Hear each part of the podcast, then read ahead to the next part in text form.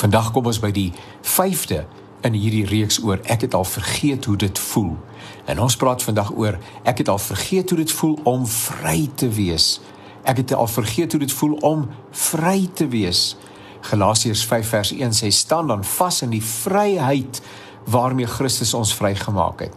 En laat julle nie weer onder die juk van diensbaarheid bring nie.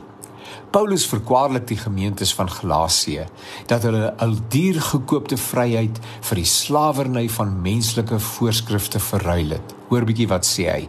4 vers 8. Daar was 'n tyd toe julle nie vir God geken het nie en slawe was van niks werd afgode. Maar nou dat julle hom leer ken het, of liewer, nou dat hy julle ken, Hoe val julle dan weer terug na daardie minderwaardige en armsalige wettiese godsdienstige reëls? Wil julle van voor af weer slawe daarvan wees? Julle hou aan om besondere dae en maande, feesgeleenthede en jare te vier.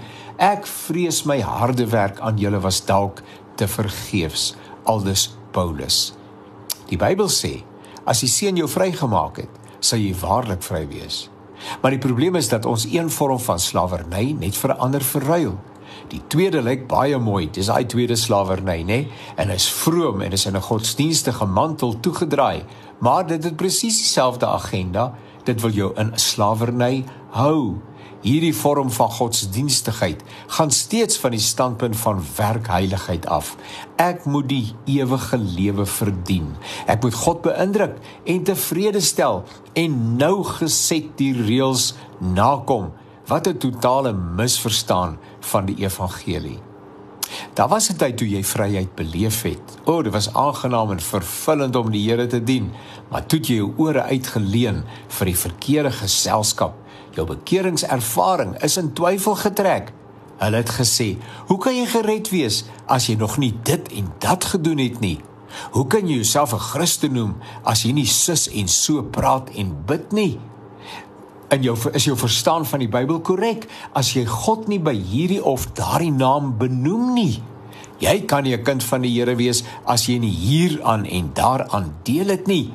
Jy moet jou kerk los Die mense daar verstaan die woord glad nie. Ons geestelike leier het 'n diep die, eh, het 'n direkte openbaring van bo gehad. Dinge gebeur by ons. Jou lus om God te dien is aan die kwyn. Jy is moeg en oorlaai. Hoe harder jy probeer om minder kry dit reg. Jy is op die punt om die pad van die geloof te verlaat. Agter die dominees aan wat sê dat hulle nou vrygekom het. Jy wil klaar maak met God die woord en die kerk. Jy het genoeg gehad. Weet jy? Al die reëls van God se woord word deur een begrip opgesom: liefde. Waar daar van liefde sprake is, is daar nie dwang nie. Liefde is eenvoudig, ongekompliseerd, maklik verstaanbaar, omhelsbaar en beleefbaar.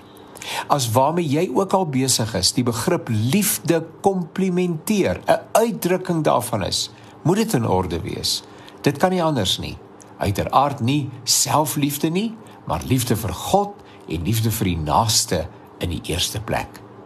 Ons verhouding met die Here word deur ruimtelike ruimtelikheid gekenmerk. As jy smoor in die teenwoordigheid van die koning, is daar iets verkeerd. Dit is dan juis die plek waar jy vry kan asemhaal. Die bose werk baie subtiel en wil God se kinders weer onder 'n slawe juk indwing. Slawe het bitter min indien enige werksbevrediging. Die dwang is te oorweldigend. Die moeisaamheid van dit alles beroof jou van alle lewensvreugde. Maar dit is nie God se bedoeling nie. Kom weer vry. Werp die juk van menslike voorskriftelikheid af en beleef God se genade. Galasiërs 5 vers 13.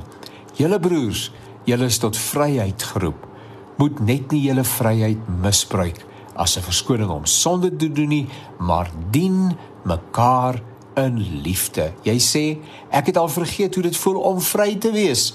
Die keuse is joune. Werp daai slawe juk van jou af en begin weer om uit die genadehand van God te lewe.